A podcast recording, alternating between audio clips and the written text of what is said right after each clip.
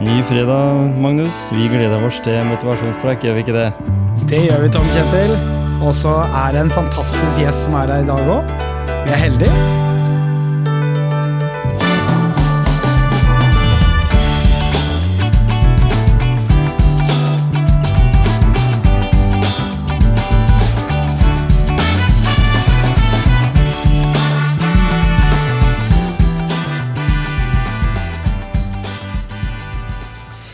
Ja, jeg har tatt turen til eh, ytterste punktet her ute i Borteid, i, eh, mellom Helle og Kragerø. Og her treffer jeg Jørn Ernst. Velkommen til motivasjonspreik. Takk for det. takk for det Kjempefin plass. Ja, vi trives her. Kjenner vi duften fra saltvannet? Ja, saltvann og sol og måker og alt er her. Ja, Det er kjempefint. Så herlig. Ja. Eh, ja, du er jo 67-modell, akkurat som meg. ja. Altså Vi er en god generasjon. Mm. Den gangen eh, Opel og Bobla var det som blei solgt mest av biler Ja, ja, i Norge. Nå er det litt andre, andre varianter som det går mye av. ja, ja, ja. Skal gå med strøm nå, vet du. Nå er det strøm. Eh, Men du eh, kommer opprinnelig fra Skien? Det gjør jeg. Ja. Ja, ja. Jeg er Gulset-gutt. Ja. Og jeg, hørte, jeg fikk en melding av en eh, kompis av meg som sier at du er vel litt sånn i, i, i familien med Sondre Fjelldal nå? Ja, ja. Sondre, Sondre søskenbarnet mitt. Ja. Ja da. Så vi eh, Ja, nei, jeg er fra Gulset, så jeg flytta Vokste opp på, på Gulset, da, og så spilte fotball i Gulset og spilte noen år i Odd etter hvert. ja. Eh, Så har jeg drevet litt med idrett og sånt her der, da. Og så dro vi til mm, Oslo i 90, 91, flytta vi. ja. Så fikk jeg jobb der inne, og siden, siden har jeg blitt der. Ja, ikke sant? Ja. Det er jo liksom litt mer å være sentralisert. Det er jo ikke det at jeg skal rakke ned på Gulset, for det er jo en flott plass å vokse Gulset opp på. var flott å vokse opp på. Absolutt. Foreldrene Ja. bor der fortsatt. Ja, ikke sant? Ja, ja. Fin plass. Absolutt. Men eh, det som jeg hadde veldig lyst til å snakke med deg om, da, det er jo dette her eh, temaet som vi har hatt. eh, Vi kaller det Den gode hjelperen. Ja. Fordi eh, det er jo ikke til å unngå å se at du må uttale deg litt, eller i hvert fall ja, også fortsatt, men i hvert fall i de åra som Therese Johaug var kanskje den mest profilerte, i tillegg til Marit Bjørgen, innenfor Ja. langrenn, så, så hadde du litt å gjøre. Det kan du si. Jeg har hatt mye, mye å gjøre med Therese gjennom, gjennom de Ja, nå er det jo tolv år som Ja. vi har uh, jobba sammen. Mm. Så det har vært eh, masse masse oppturer og noen et par heftige nedturer. Ja, ikke sant? Som, som har bidratt til at det har blitt, blitt en del jobb. Ja. Masse utfordringer, masse læring, og har vært kjempegøy. Så Men, men eh, har det vært sånn at du Det var sånn at eh, Jørn tok opp telefonen og ringte Therese for tolv år siden, eller? Var det Nei, bare for å det var, spørre? nei det, var, det, det var ikke det. Det var um, Den gangen der så jobbet jeg i Dinamo eh, reklamebyrå. Jeg hadde Colgate Palmolive som kunde. Og vi, i Colgate så hadde vi en sånn eh, kampanje, husker, husker sikkert Barna skimerke, hvor det skulle gå sånn gull og sølv og bronse med sånn distansekort. Ja, ja. Og da hadde vi en del, eh, veldig mange profilerte idrettsutøvere som på en måte frontfigurer da, for den kampanjen i mange år. Blant annet Atle Skårdal var der en gang, og Ja. de aller fleste Veldig mange har vært innom den rollen der da, gjennom 20 år med den der kampanjen. Men så i 20, nei, 2007 så brøt jo Therese eh, Nei, eh, ja, i, to, i VM, hvor hun fikk bronse. ja, ja. Og da var hun bare 18-19 år. Mhm.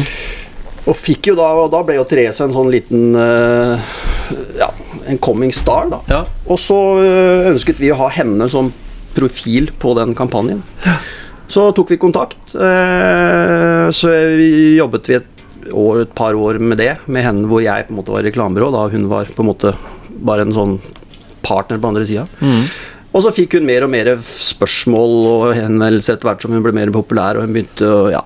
Og så overtok, eller så spurte hun om jeg ville hjelpe henne litt, hun spurte litt om råd. Mm. Så ja, det kan jeg gjøre, og så ja. Sånn starta det, da. ja. Og så når vi kom til VM i Oslo i 2011, så tok jo dette her helt, eh, helt av. ja. Da var det jo når hun vant det der legendariske løpet og kongeklemmen og alt. Alle husker det. Ja, den, ja, og de dagene etter det var jo helt spinnvilt. Ja. Så da, da på en måte begynte, begynte det ordentlig da, for henne. Ja. Og da, da hadde vi allerede vært eh, sammen med et par år, så da Men da liksom begynte den ordentlige jobben, da, for å si det sånn. Mm. For, for, for i utgangspunktet da så, så blei det en heldagsjobb, det da?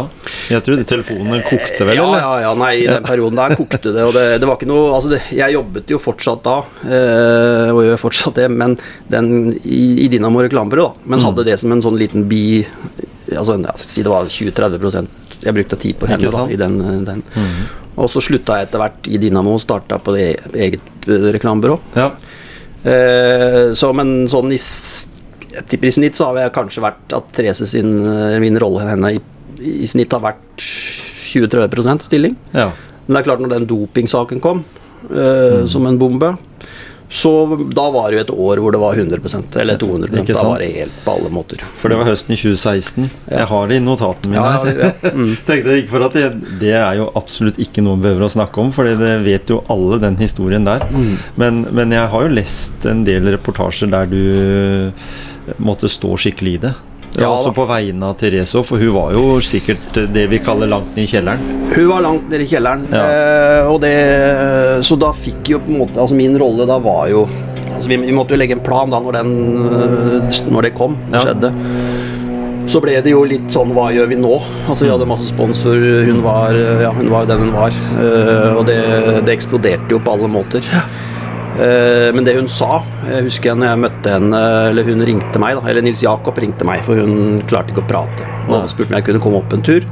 Vi bor ikke så langt fra hverandre, da. Og de måtte fortelle meg noe, da. Jeg tenkte hva Altså eh, Det var ikke mine tanker. Nei. Jeg var på vei opp, og jeg tenkte er hun skada? Er hun uh, blitt gravid? Er liksom hva har skjedd?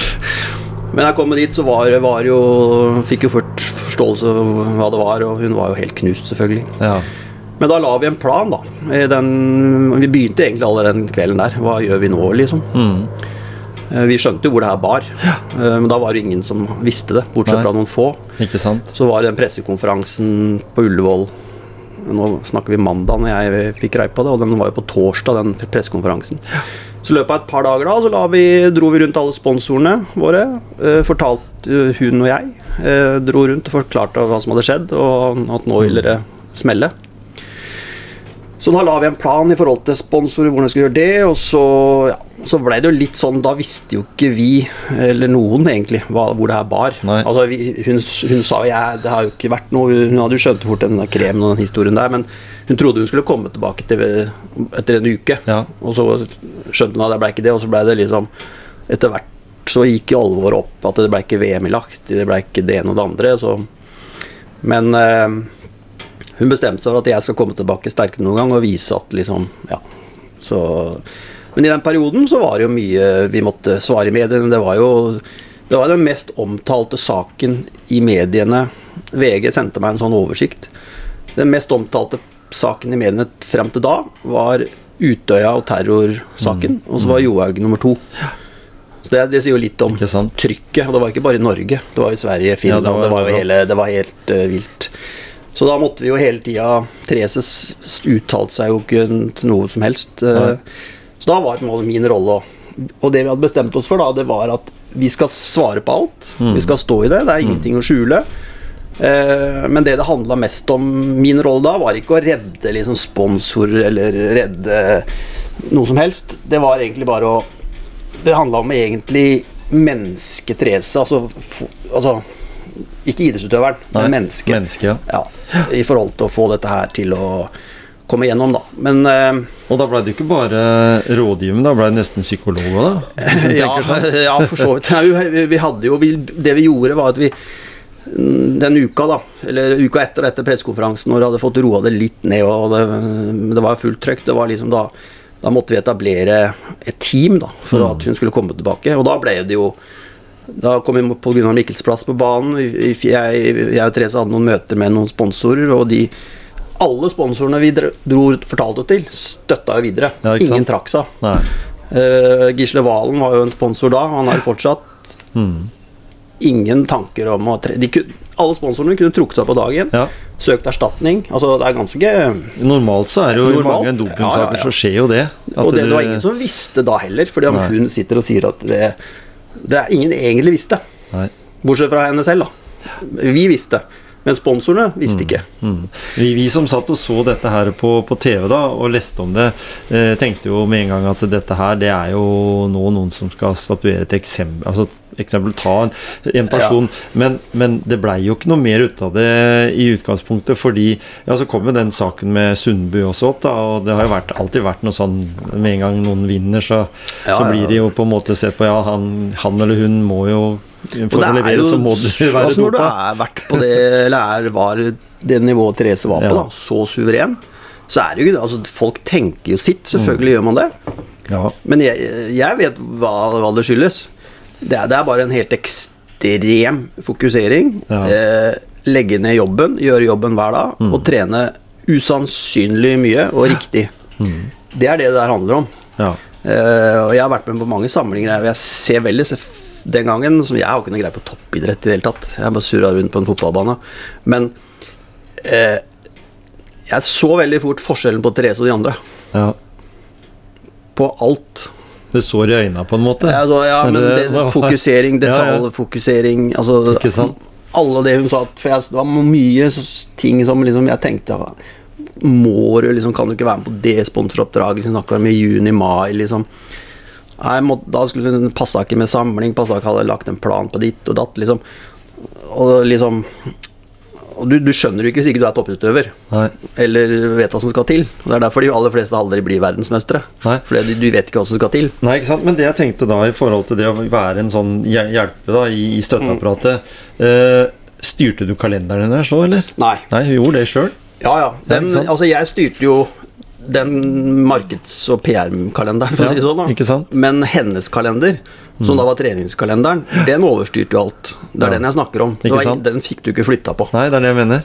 Ingenting flytta, fikk du flytta på da, Nei. i den perioden. Men etter hvert så senka hun skuldrene litt mer, etter hun kom tilbake fra, fra den eh, saken. da. Mm. Så skjønte hun at det er andre ting i livet som betyr noe, og fikk senka skruene litt, og ikke så fokusert. Og det, og det har kanskje blitt gjort at hun ble enda bedre, Ja, ikke sant? faktisk. Kan det være litt av den samme der som du ser idrettsutøvere som f.eks. blir gravide, får barn Ja, og så kommer tilbake igjen? Jeg tror det. Jeg så litt med er Jørgen liksom nå. du, ja, Mm. det er litt at du får et litt annet perspektiv da, enn det helt ekstreme som hun øh, hadde. Ja.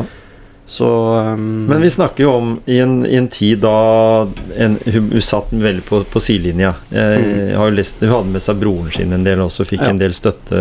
Sikkert hele familien, egentlig. Uh, men uh, da økte jo også treningsmengden i den tida, for, Ja for å få tida til å gå. Ja, ikke bare få tida til å gå, men det, det som var, var at hun trente jo Da konkurrerte hun ikke. Nei. Så trente hun jo i to år. Bare trente. Mm. Og da trente hun jo 1300-1400 timer. Ja, ikke sant? Uh, og det er jo én ting er jo å trene så mye, men en annen ting er jo å gjøre det når du egentlig ikke vet om du noen gang kommer tilbake, eller når du kommer tilbake. Mm. Uh, hun gjorde var ute ja, 1400 timer, da kan du regne hvor mye det er hver dag i snitt. Ja, det er mye. Uten å være på et lag. Hun fikk ikke trene med noen, hun fikk ikke være på toppisenteret, hun fikk ikke lov til å gå i skiløypene på Beitostølen når det var skirenn. Altså, det var helt sånn ekstremt. Ja, ja. Eh, men hun gjennomførte, og det, det grunnlaget hun fikk da, Mm. etter den, det er jo det hun har vært så ekstrem på nå. For hun fikk trent i to år ja. og har bygd en base. Så- ja ikke sant? Og da blei hun jo også ikke bare i langrenn, men hun kunne jo hevda Ja, seg i friidrett og i alle sånne Så i sykkel nå, da. Hun Ja, sykla opp Alpe d'Huez. Altså, det, det er ganske heftig, faktisk. Ja. Så det er det idrettstalent. Ja, det er det. Uten kapasitet. Altså, og, og i tillegg til det at du var og trena. Men, men uh, Jørn, da, når han eh, satt opp jeg, jeg leste i en eh, avis, eller var var faktisk ikke avis heller, men NRK, som hadde Når, når du fikk greie på det med, med Therese, så, så tok du det ganske hardt innover da òg. Det, Ja. det var jo Siden dere sikkert jobba så tett, så, så blir det veldig personlig òg. Ja, ja, Absolutt. absolutt. Mm. Det, det tok det var, det var tøft. Ja. Det var det, fordi Altså Først er det en person du må være glad i og har jobba med, og det har bare vært liksom positive ting, da. Ja? Eh, og så ser du hva som skjer. Liksom, som, altså, at hun ble utestengt fra skiløypa, var liksom én ting, men liksom hva det gjorde med, med henne som menneske, da. Mm. Hvor alvorlig det var, egentlig. Ja. Og er jo, nå holder vi på å skrive bok, da, så nå kommer jo mye av det jeg snakker om Ja, her ut i bok. Men, uh, men det var jo perioder der hvor jeg trodde det over. Mm. Altså hvor hun ikke kom tilbake. Ja. Og det tror hun selv òg. Mange ville kanskje gitt opp. Ja, jeg tror de fleste kanskje hadde gitt opp.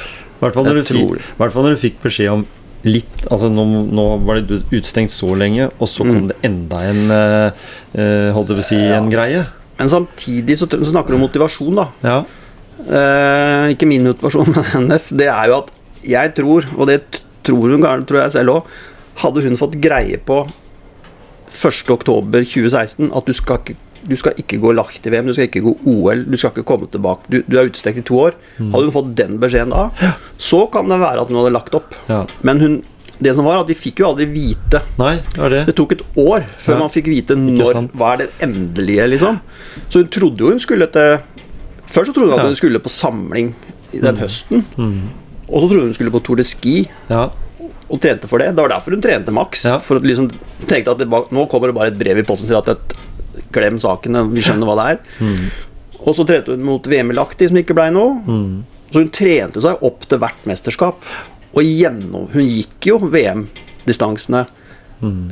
Ikke sant? Hun gikk 10 km i Kollen, hun gikk tre mil. For å liksom holde Altså, det var helt ekstremt. Holde trøkket oppe Ja, ja. ja. ja. Så, så, ja, så jeg tror kanskje at det gjorde at hun da klarte å motivere seg. da Hun, Mm. hun liksom motiverte seg egentlig for hvert neste mesterskap.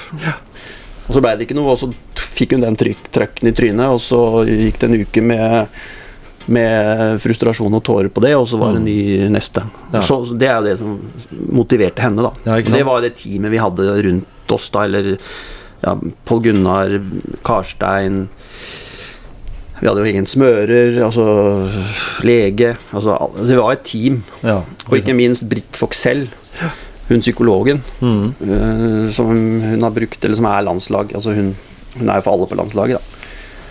Hun hadde jo en veldig, veldig viktig rolle her i Ja. den perioden der. Ikke sant? Så, så det, hun gjorde jo ikke det her aleine. Altså, når jeg snakker om at hun er fokusert og gjør jobben, så hun, har, hun gjør ikke det aleine. Det, det er et team som Og, det at du får da øh, Den her treningsdagboka, den er sikkert øh, veldig detaljert, vil jeg tro, hvis du er sånn fokusert.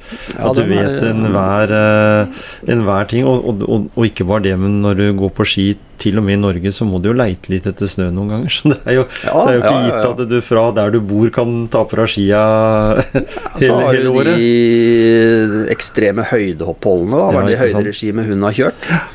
Det har jo vært eh, Nå kan du kalle det ferie, da, men allikevel. Det er liksom tre uker hver sommer Mm. på høyde. Eh, Fordi om det er flotte steder i Seiserhallen i Italia, de gjør Aspen i USA Mm. Men allikevel, du, du er på trening, da. Ja. Du er på høydeopphold. Du er ikke på, sitter ikke sånn som vi sitter nå og slapper av. Det er høyde. ja, ikke sant? Eller trening, da. Og flere timers trening Ja, som ligger, ligger framover. Mm. Når, eh, når en nå tenker at en eh, har en utøver som Therese, da, som, som da når hun kom tilbake igjen, så, så gjorde hun jo kanskje en, enda større prestasjoner, fordi da var hun jo også eh, aleine. Da var liksom hun den som var eldst og mest Ja. rutinert og, og sånn. Etter hvert, for, for etter hvert så forsvant jo Marit ut, så, Mhm. så, så, så fikk hun jo ta opp arven da, og det var jo en, Det gikk jo enda bedre for hun i den perioden enn enn det Marit uh, avsluttet med. For hun, hun var kanskje en sånn Marit, jeg kjenner jo ikke hun sånn, men et, et, eh, treningsprodukt. Eh, det er jo også for så vidt Therese, men Therese må jo ha Ja, det er egentlig motsatt. Er det det? Ja. Marit var Hun vant alt, ja, som Petter gjorde, Ikke sant? eh, og Klæbo. Talentfulle mm, unge utøvere, da. Eller Ja. barn. Eller ikke, altså, ja, barn. De var gode hele tiden, da. Ja? Men Therese var jo ikke det. Nei. Hun motiverte seg jo Snakker om motivasjon, det er lenge før min tid, da. Men Ja, det var når hun var når hun var sånn 10-12 og begynte å gå på langrenn, så Mm. var jo, hun var jo ikke i nærheten av Hun gikk jo, ble slått med to minutter og slått med tre minutter og Ja, ja. Det er interessant. Men hun syntes det var veldig gøy å trene. Eh, og det er jo alltid sånn i barneidrett, så jo om du er født seint på året og du er litt tyngre og litt sterkere, altså det jo, gjør jo ekstreme utslag Mm. på fotballbanen, på langrenn, overalt. Er jo det forskjell på det. det ikke sant? Og hun var jo lita og hadde dårlig teknikk, men en enorm vilje, da. Mm. Så hun trente jo Hun hadde tenkt det sånn at eh, i hovedlandsrennet det ene året så ble hun slått med to minutter, men neste var målet å bare bli slått med ett minutt. Ja. Og trente og trente og trente. Og det her er jo fra altså faren da, som forteller om hvor Tor Torvald liksom sier at eh, de trodde jo egentlig ikke Det er sånn som eh, barn kan gjøre hva de vil. Ja, ja. Gå på ski eller fotball eller turn eller svømming. Og Ja, ja. Bare gjør noe. Det var jo den holdningen i familien der. Det var Mm. ikke noe press. Nei. Men hun hadde jo den enorme viljen, da. Som hun, og når hun blei, som Torvald sa, når hun blei 16-17, så hadde jo hun trent, lært seg å trene masse. Mm. Og de andre hadde ikke trent så mye, for de trengte ikke å trene så mye. For du hadde enten så hadde du veldig god glid, for du hadde bra ski som faren din hadde glida opp med fluor og alt annet. Eller så hadde du fysiske forutsetninger naturlig. Ja. Så det var jo henne. Og Mm. så begynte hun å vinne når hun var Altså Hun var jo nummer Jeg holder på med den boka, det er derfor jeg husker det så godt nå. Hun var eh, Hun ble nummer 21 i hovedlandsrennet i Holmenkollen i, i, 20, i 2003. ja. Altså hun ble nummer 21. Ja. Og så da tar hun bronse i senior-VM i 2007. Mm. Da er det Det er På ganske kort tid skjedd ganske mye. eh, Ja, ikke sant. Så, så det at du da, da får en person som, som Therese opp på det nivået, det er, det er jo også Hun vi, vil kanskje si at eh, foreldrene har- var ikke ubetydelige i den sammenheng. Nei, jeg tror For de hadde den eh, lille der av motivasjonen. De kjørte kanskje rundt på De kjørte, men ikke, ikke sånn som Det er det, det som er egentlig selvmotivasjon, da. Ja. er ganske interessant, og det, det har jeg sett og lært mye av Therese. Den, og sånn er det med individuelle idrettsutøvere. De, en ekstrem sånn indre motivasjon. Mm. Det er det som skal til. Altså, det, er ikke, det er ikke sånn jeg skal tjene en million, jeg skal vinne et OL-gull, jeg skal bli kjent, jeg skal på TV. Det er sånn ytre mm, faktor, ytre motivasjon. ja? Men du må ha den indre Du sier at jo, nå klarte jeg, sånn som Tre sier. Jeg, hun blir nesten jeg, jeg, hun- jeg, Hun sier til meg Jeg kunne bli nesten like glad å klare 20 hangups med 10 kilo ekstra som å vinne et skirenn. Fordi jeg hadde, målet mitt var å klare 20 hangups Ja. i løpet av en måned. Og når du klarte det, så er det liksom å løpe rundt på toppidrettssenteret og juble som du skulle vinne skirenn. Altså, de tingene der, å ha det mindsettet der, mm. det gjør at Så du må ha den indre motivasjonen. Ja. Det Ytre motivasjon det går veldig fort over. ja. Mange er motivert av å komme på landslaget. Så kommer du på et landslag, om det er fotball eller langrenn eller skihopp eller hva det er. Så er du fornøyd når du kommer på landslaget. Da har du nådd målet ditt, og det er, det er et bra mål, det. Mm. Men hvis det er målet, så er du ferdig Ja. når du kommer på landslaget. For det kommer alltid noen bak som har enda Du må liksom ha den indre å bli bedre og bedre, og det har jo vært helt Evig, evig, evig ja, ja. sulten, egentlig. Hun har det. Eller eh, ikke bare hun, da, men de, de jeg kjenner av de beste, har det. Ja.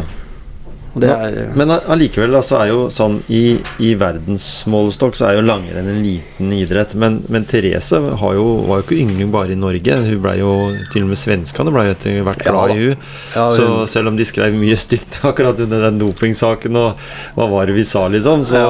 så, så, så var jo alle sammen Ja, det det hun- kom jo i Finland, og det var jo akkurat i den perioden der så var det jo Mm. blei det jo sånn, og det hadde det blitt i Norge òg. Altså Ja. Hvis Frida Karlsen hadde blitt tatt Eller kommet i samme situasjon som Therese, så hadde jo veldig, veldig mange Og nettroll og det der sosiale mediegreiene er jo blitt helt forferdelig. Ja. Så det ser jo kanskje verre ut enn det er, da. For det er, det er noen få, eller mange, men det ser veldig, veldig mange ut på sosiale medier. Og det, det har jo i den perioden så så jo ikke Jeg så jo på det og leste alle de her eh, Ikke alt, selvfølgelig, men en del av de kommentarene på VG når, når det var fritt fram i kommentarfeltene. Men Therese gjorde jo ikke det. Nei. Nei, det går jo ikke. Nei. Og når vi snakker da om eh, din motivasjon oppi dette her, det er klart at du måtte jo få litt påfyll du også, for når du står i, i, i, disse tinga, og når du også når også du har en oppfølging av en, en uh, Therese, da, som, som i etter av dette eh, dopingsaken bare går sky high og kommer med kleskolleksjon, den tar litt av. Eh, og alt det hun på en måte tar i, blir til gull, på en måte. Så, så, så ble det vel sikkert eh, Men hva, hva gjorde du da i de tilfellene du skulle ha deg noen friminutt, da? Jo, Hvis du fikk det?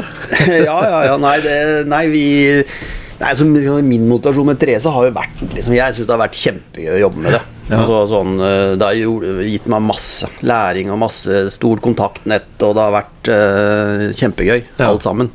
Uh, og motivasjonen har jo Jeg har jo blitt litt sånn føler at du liksom er med på, på skirennet. da. Ja. Altså, vi er et team, på, eh, på en måte. Vi var et team. Mm. Uh, fordi om det er hun som går, og hun som legger ned jobben og løper i regnvær og holder alt. Men det, liksom, det blir litt sånn Det er jo mot, altså, Ja, det blir litt sånn på en måte teamet som vinner, da. Ja. Eh, og det er jo gøy å være med på. Ikke sant? Det, det jeg driver med, og så har det vært eh, Ja, nei, så har det vært, som jeg sier, det, det har vært kjempemotiverende bare å få lov til å jobbe med Altså én ting liksom rangsøperen, men det derre ekstreme fokuset og det- og det du Som jeg har kanskje tatt med meg litt i de andre ting òg. Ja. I andre oppgaver og i firma og, og sånne ting. Liksom den måten å tenke på, da. Den toppidrettsmåten å tenke på.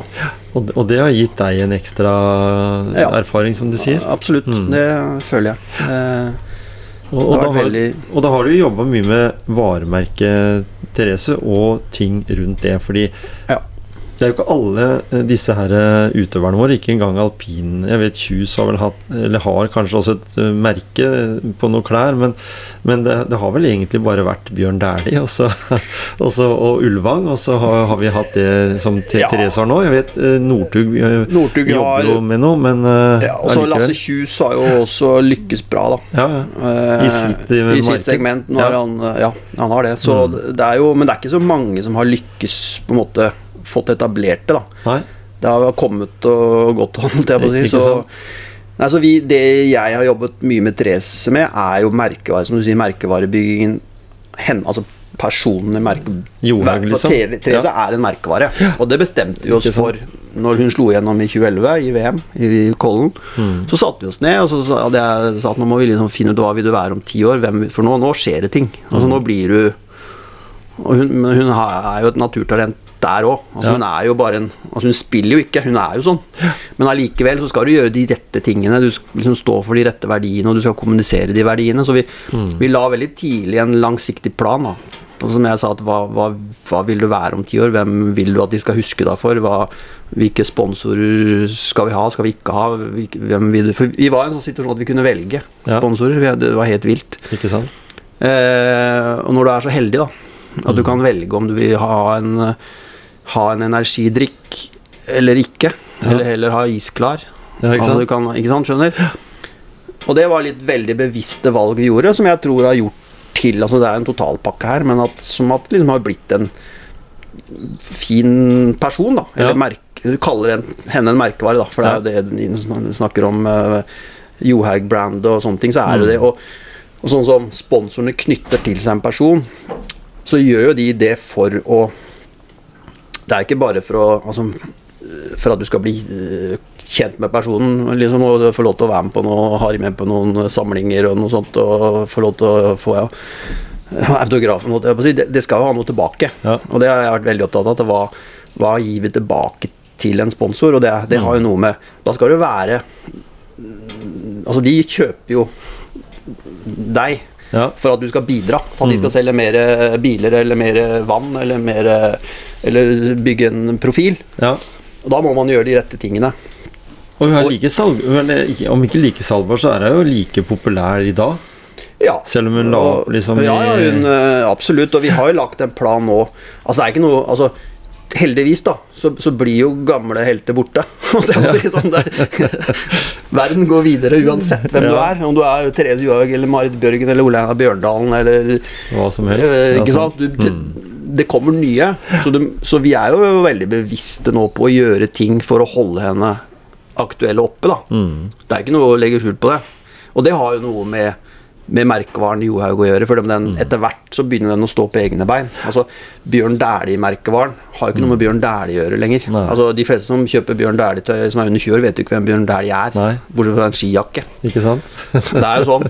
jeg, var, jeg, var, jeg var i en, eh, i en sånn Nordic Sport i, i København, og der var det rulleskiavdeling. Mm. Eh, og der var det ett bilde på veggen der, og det var av Bjørn Dæhlie. Men jeg tipper, som du sier, det var ikke veldig mange som visste Nei, han var. det er jo det er, Sånn er det jo. Så nå, nå jobber vi jo da med så snakker om det da med tres, Vi har lagt en plan. liksom Gjøre noen TV-ting. Vi, vi er i forhandlinger med TV-stasjoner om forskjellige ting. Ja. Så det er jo for å holde liksom aktualiteten oppe, da. Og, og trenings... øh, altså fokuset rundt trening, det har jeg jo fortsatt. Jeg, regner med at du tre, jeg, jeg så noen bilder av Hun så jo ikke noe dårligere trent ut, sånn, sånn som en tenker seg at hvis en øh, trener kanskje mer. hun skal trene ca. 700 timer. Ja. Og det er jo like mye som de fleste på toppnivå gjør. Så hun er jo Hun lever jo av og for og med å holde seg Hun elsker jo å trene. Ja, det, er det, altså, det er ikke Hun sånn hun må ikke, men hun elsker å trene. ja. Så hun er jo i superform. Så, har, så har jeg sikkert noen, da, noen øh, delmål for, for den tida framover også. Ja da, det er klart at hun har jo altså grunnen, hovedgrunnen til at hun la opp nå.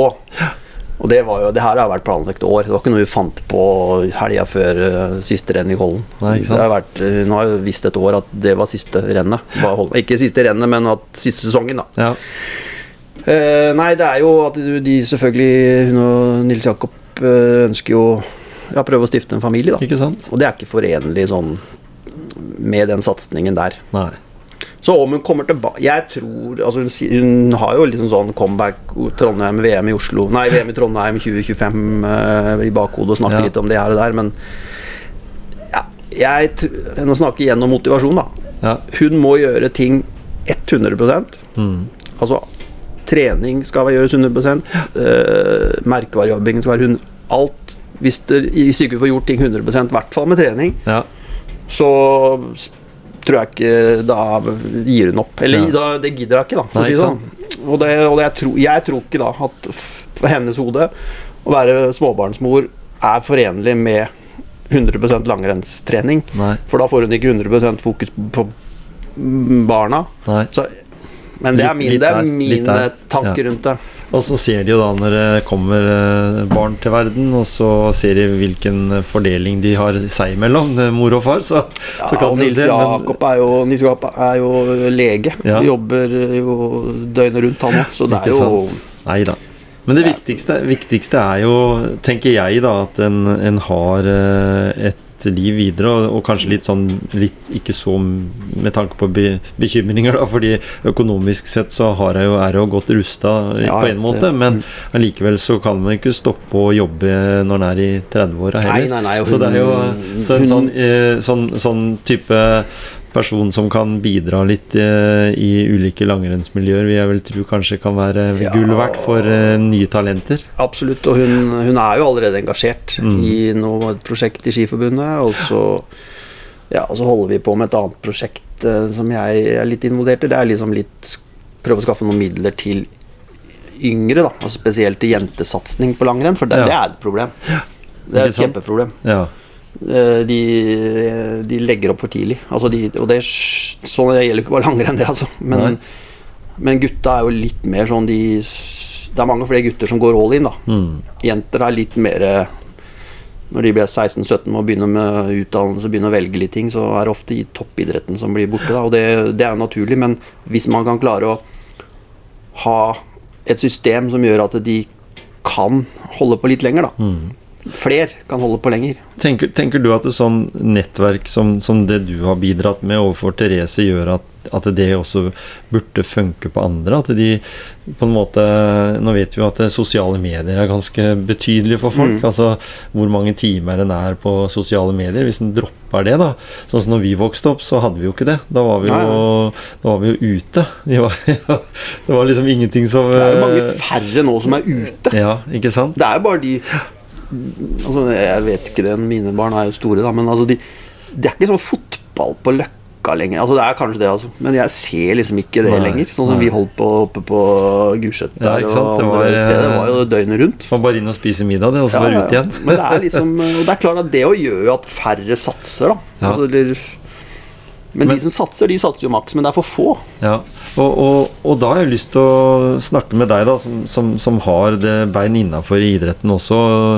Eh, når vi ser nå idrettspersonligheter innenfor tennis, innenfor golf eh, Vi har jo friidrett, idretter Mm. som på en måte er gigantisk svære ute i verden. da Eh, Mm. Og så har du lille Norge liksom som kommer med eh, veldig flinke folk.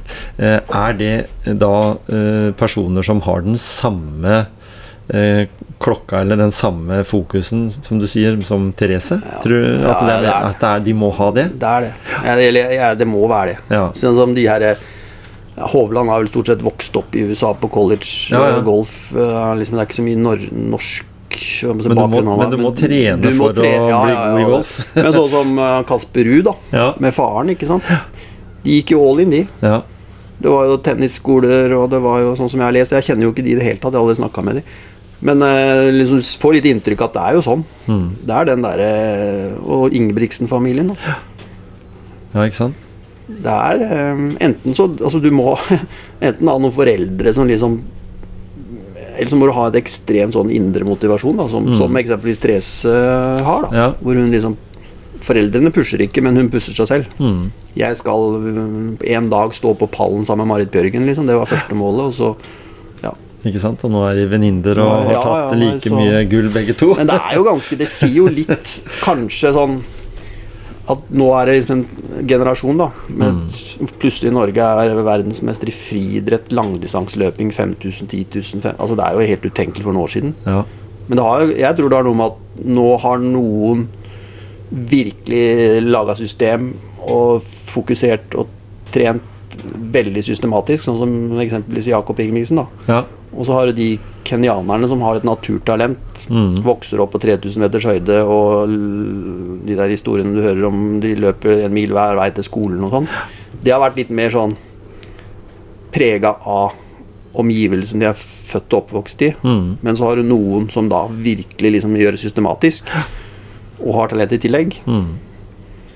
Og ressurser, som Ja. vi har i Norge. da. Ja, ikke sant? At ressursene Ja, ja, det er nå klart er vesentlige også her. Fordi en periode så var det mange som tenkte at nei, Norge er så rikt land, og de har ikke noe å strekke seg etter. For alle de som skal hevde seg, de eh, er akkurat sånn som de, de klorer seg fast. Eh, Fotballspillere fra Brasil som kommer Mm. Ja, fra de fattige strøk og sånn. Men i dag så blir du topputøver hvis du, selv om du er um, uh, i en, et land som Norge, da. Mm. Uh, men når, når, hva ville du si da, når vi oppsummerer litt i forhold til den gode hjelperen? da, altså den personen, Nå, nå ser jeg på, på deg som den delen i støtteapparatet som er en av de gode hjelperne, hvis vi skal kalle det det. Ja, ja, ja. Eh, hva følte du var det viktigste bidraget du eh, ga Therese i den karrieren hun hadde? Det var å ta unna eh, og fjerne det meste av all støy, da. Ja. Altså positiv og negativ støy, for å si det sånn. Mm. Eh, jeg tok eh, Altså, alle henvendelsene hun fikk Hun, hun fikk jo kanskje greie på Altså, Vi fikk jo masse masse henvendelser om alt. Være med på intervjuer, være med på å stille opp her, være, være med på et, eh, være et 50-årslag, være VG skulle intervjue Altså hundrevis av ting i alle retninger. Mm. Der kanskje hun fikk to av ti henvendelser jeg tok videre til henne, hvor hun tok, var med på å bestemme, eller så tok jeg alt vekk. Eller jeg svarte nei. Ja. Jeg visste hva hun Jeg kjente henne så godt, jeg visste hva hun ville ikke ville, og hva som Ja. passet på ikke passet. Så, så hun fikk aldri høre om det, da. Nei. Og samme med liksom Ja, ikke sant det? Og så hun slapp da å ha liksom fokus på sånne ting. Mm. Og prøvde så godt som mulig å holde, fjerne alle problemer. Altså Det skjedde jo mange ting som liksom Altså alt fra altså når hun var altså, det, det, var så, det var så mange ting. Alt fra hun ble beskyldt for å jukse med noen staver med Swix. Og så var, altså det var masse sånne små, små og store ting. Vi var oppe i den der eh, saken vi hadde Huawei som Ja, ja. sponsor. ikke sant? Masse mas om politikk, om hva Ikke sant? Mm. Med Kina og sånne ting. Det var ting som hun aldri tok eh, Altså Hun var bevisst på det, men det var jeg som tok alt det der støyet og alle diskusjonene med Mm. journalister rundt de tingene der. Fordi, og, og veldig mange av sitatene som har vært med Therese eh, Nå kan jeg jo si nå, da. Ja. er jo jeg som har sagt. Ikke sant? Som Ok, jeg sier til journalisten det her, og så sier ja, men kan jeg sitere Therese på det? Ja, så ja, det kan du gjøre. Mm. Og, Og da, da slipper hun liksom å ta For jeg vet, det er, det sånn jeg vet hva hun svarer. Ja, og da, og da for, for hvis du hadde skulle eh, presentert alt det for Nei, hun, det like- så ville like jo langt, fokuset vært borte fra Ja, trening da, og da behøvde ikke jeg hatt den rollen, for da, det er jo det som Jeg har jo vært et filter. Mm. og prøvd å ta riktige beslutninger, og jeg sikkert tatt noen feil òg, men jeg tror de aller fleste har i hvert fall landa på rette sida av streken. da. Mm. Og da, og da når, når alle ser det at uh, hun har den karriere hun har, uh, sportslig, uh, økonomisk også, så går butikken bra, Mm. så får du nok sikkert noen telefoner fra andre som sier at du, kan du ikke hjelpe meg òg, Jo, jo, mange. Veldig mange. Ja. Og, og det har jeg gjort òg. Mhm. men det er jo ikke Nå handler det stort Det har handla stort sett om å skaffe sponsorer fordi man kommer hjem da fra OL da Ja. og VM med, med både ett og to gull i sekken. ja. Eh, og kanskje tror da øh, og håper, og kanskje burde òg, fått noen sponsorer da på bakgrunn av det. Mm. Eh, men dessverre da så er de aller fleste er basert Altså det, det, for å si sånn, det norske flyet hjem fra sånne mesterskap, det er liksom lasta med gull. ja. Det er ikke, bare, det er ikke liksom Altså det er ikke den, Vi vinner ikke én gullmedalje, vi vinner 14, ikke sant? Ja. Så det, det blir litt sånn inflasjon, da. ja. Vinne OL-gull i Norge, det er liksom Det er gøy der og da. Og du blir en historisk person, og du, du, har, alt, du har den alltid, men mediene, interessen blant folk, blir fort borte. Altså Du glemmer det fort. Det har ikke noe verdi liksom sånn markedsmessig.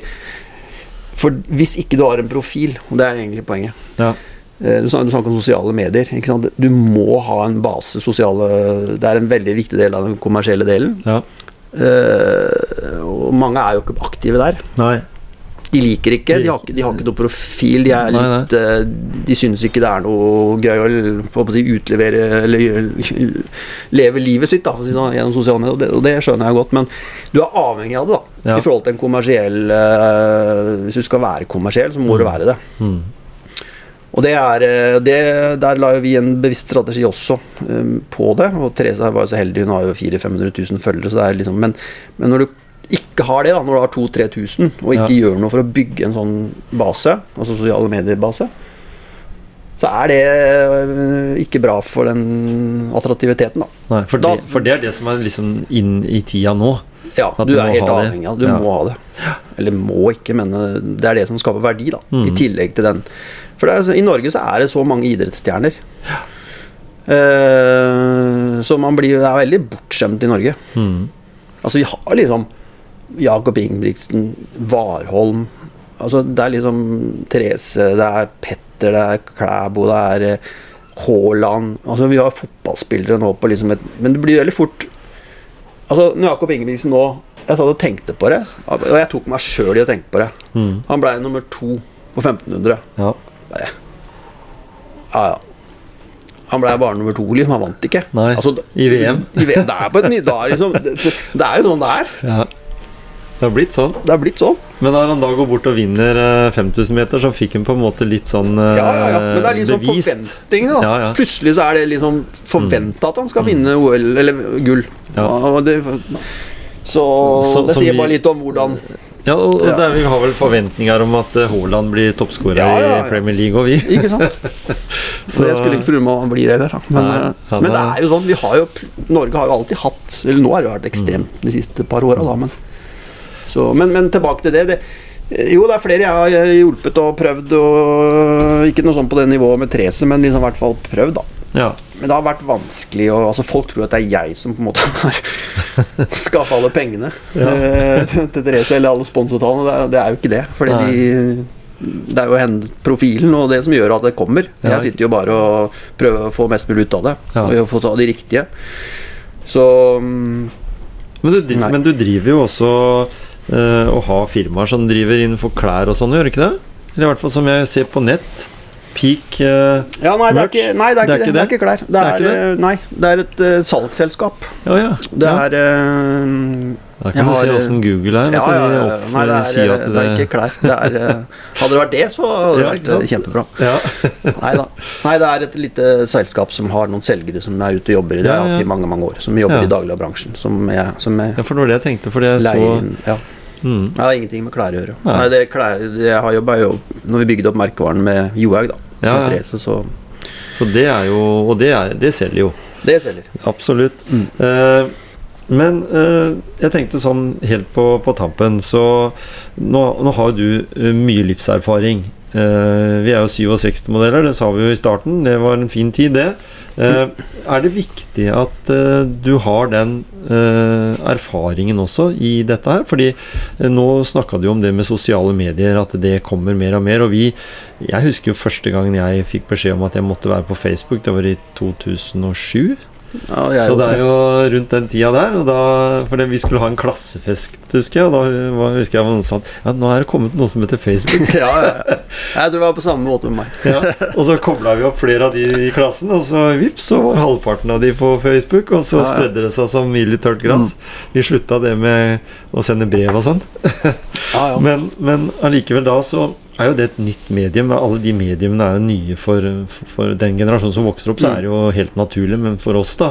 Så, men er det den derre tryggheten også som du er med på å skape i en sånn setting, som gjør det? ja, At du er, er noen år eldre? ja, jeg tror jo Håper det, holdt jeg på å si. Ja. Eh, at det har bidratt at han liksom ikke Altså, jeg kunne jo Jeg tror ikke det hadde vært Altså, det er mange sånne managere, eller altså sånne Kall det hva som helst, da. eh, Som jobber både med idrettsstjerner og popstjerner, og Ja, ja. de er jo unge, mange av de er unge, og det er, det er liksom full gass og være med på alt. Mm. Altså, jeg kunne jo vært Altså, jeg kunne jo dratt med Therese på ti ganger mer, eller 50 ganger mer Ja, ja. ting enn vi har gjort. mm. Som hadde vært kjempegøy. Men sagt, jeg tror ikke vi skal gjøre det. Jeg tror, ikke- jeg tror ikke du skal ta den der sponsoravtalen på Vi fikk jeg kan si noen summer, liksom to millioner kroner for å liksom være, spon, være objekt for, for det og det. Så det er mye penger for en 22-åring. Ja. Det er lett De fleste sier ja til det. Mm. Men da har liksom vi hatt en diskusjon, og litt, ja, jeg tror ikke det passer. For det om fem år så er det ikke sikkert det var så lurt. Nei. Men en annen kunne jo sagt Det må vi gjøre. Eh, vi skal ha to sånne avtaler. Og så jeg tror den balansen der da mm. har gjort at vi har gjort uh, det har blitt sånn det har blitt da for Mm. Therese. Både sånn tidsmessig at de, altså, Hun brant seg Hun var en periode hvor hun var veldig sliten. Eller var for mye, da. Ja, ja. Uh, og det, det er Kall det hva som helst, om det er erfaring eller at man er uh, gammel mann. Men uh, uansett, så i hvert fall de tingene der har mm. kanskje jeg som da har vært noen år eldre enn hatt litt annet perspektiv på enn enn hun har hatt en på sin egen alder som bare var full rock'n'roll og være med på alt moro. For det har vært mye moro vi ikke har vært med på. For å si Ja, sånn. og da, ja. ja. Litt sånn som Rocky vet i den ene filmen. Han eh, er mer opptatt av å spille inn reklamefilm, og så, Ja, og så burde han heller ha trent. Det er akkurat. Så plutselig så er det, er det den, den fire treningsøktene du droppa, da, som gjorde at du tapte med det halve sekundet. Liksom. sant? Ja, Det er sånn. så- sånn er Sånt, det er noe de tenker, da.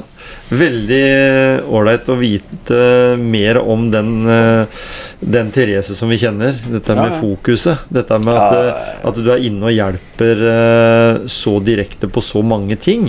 Mm. For å på en måte gjøre, gjøre livet enklere for en idrettsutøver som, som du sier, som trener rundt 1000 timer og, og reiser også. Det, reiser er jo ikke i den tida der. Nei, nei, nei, det er jo alle timene på fly og dårlige hoteller og Ja.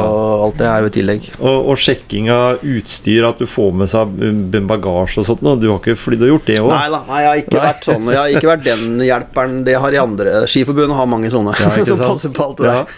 flere er gode hjelpere. Det er mange, ja, det er hundrevis av gode hjelpere Ja. i norsk langrenn, holdt jeg på å si. Eller i skifor- skiland- eller lang, Skiforbundet. Føler du det at de eh, kommer litt nær Du har jo kjenner jo hele det systemet der. Og det kunne vi sikkert prata timevis om, denne her eh, hjelpefunksjonen. Men, men allikevel så bidrar eh, eh, Olympiatoppen eller Skiforbund da, de bidrar med mye som ikke vi vet. altså sånn, masse. med ressurser det- som de har. Vært, det har vært mye sånn urettferdig fokus og kritikk om Skiforbundet på det ene og andre gjennom de siste åra. Det har vært mye usaklighet. Masse journalister som har Ja, de lager, altså, Mediene lever av konflikter. De Ja. la, det, er jo det, det har jeg jo lært. Det er konflikter som de skal ha. Mm, Hvis en sier noe, så går den andre og sier ja, hva mener du at han sa det om deg? Og så har, du- klarer de å få en sånn svær overskrift. Men Nei, jeg syns Skiforbundet har fått mye urettferdig kritikk og masse dårlige greier. Men Mm. Der er det masse flinke folk som har én oppgave. Det er å skape gode skiløpere i Norge på toppidrettsnivå. Og så Ja. jobber de veldig bra med rekruttering. Eh, men det er, der, der tror jeg det store Hvis du skal tenke ti år fram da, for Norge Mm. Det norske, altså spesielt på kvinnesida, som jeg sa i stad, der må de gjøre en jobb som eh, de henger etter. Ja. Det er eh, ja. Det har gått litt for lett. Det har Det har gått litt for lett. Det Det vært har for litt både eh, Marit og og har Therese. vært også, Sånn som du snakka litt med Therese om det. De, Therese har vært altså de, har- de har liksom Det har blitt litt sånn at Therese var så god, da. Altså, eller i forhold altså de, de sånn Nei, jeg, jeg klarer ikke å henge på Therese allikevel. Altså, de har liksom litt på en måte Mm. negativt, fordi at hun de har prøvd å henge på, så har de ikke klart. Og så de, nei, vi slår ikke henne likevel. Altså, hvis du skjønner? Ja. Jeg hørte jo det på kommentatorene på NRK, at de kommenterte ofte at eh, der har vi et nytt eh, stjerneskudd som er, skal ta over for Therese. Og så, Mm. Ja.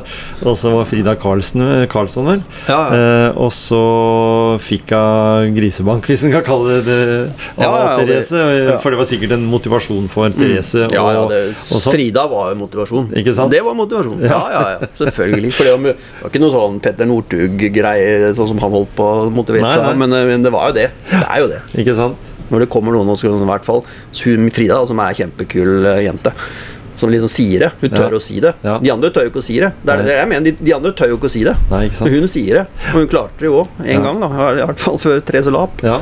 Det var, må, det var hennes motivasjon, Ja, ja, ja. det er jo det som er moro, da. Mm. Det er jo den der f- fightinga som motiverer både, både publikum og utøverne. Og når du møter da på, sånn, eh, på de rundene du er med, da når, når, Møter du mange eh, sånn med den oppgaven du har i uh, Nei, det er ikke så mange, egentlig. Det er eh, altså Johanne, Johannes har jo eh, faren sin, Ja, eh, som egentlig har gjort akkurat det jeg har gjort. ja, Og så har du Petter Nordug har jo hatt litt forskjellig, da. ja.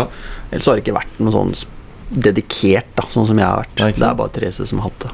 Og, jo, unnskyld, også Marit har jo hatt, uh, hatt en Ja. som har gjort litt av det jeg har gjort. Mm, som går, er i Mm. kulissene og holder, holder orden på, Ja. på tinga. Ja. Det, det er helt garantert at eh, du har gjort en kjempejobb, eh, Jørn. Eh, tusen takk for at du ville være med i Motivasjonspreik. Takk for det. Vi Veldig gleder oss til boka. Ja, det, det er en grunn, god grunn til. Den kommer eh, i oktober. Ja, ikke sant? Det blir årets god- god julegave. til julegave. Ja, ikke sant? Tusen takk. Bare hyggelig.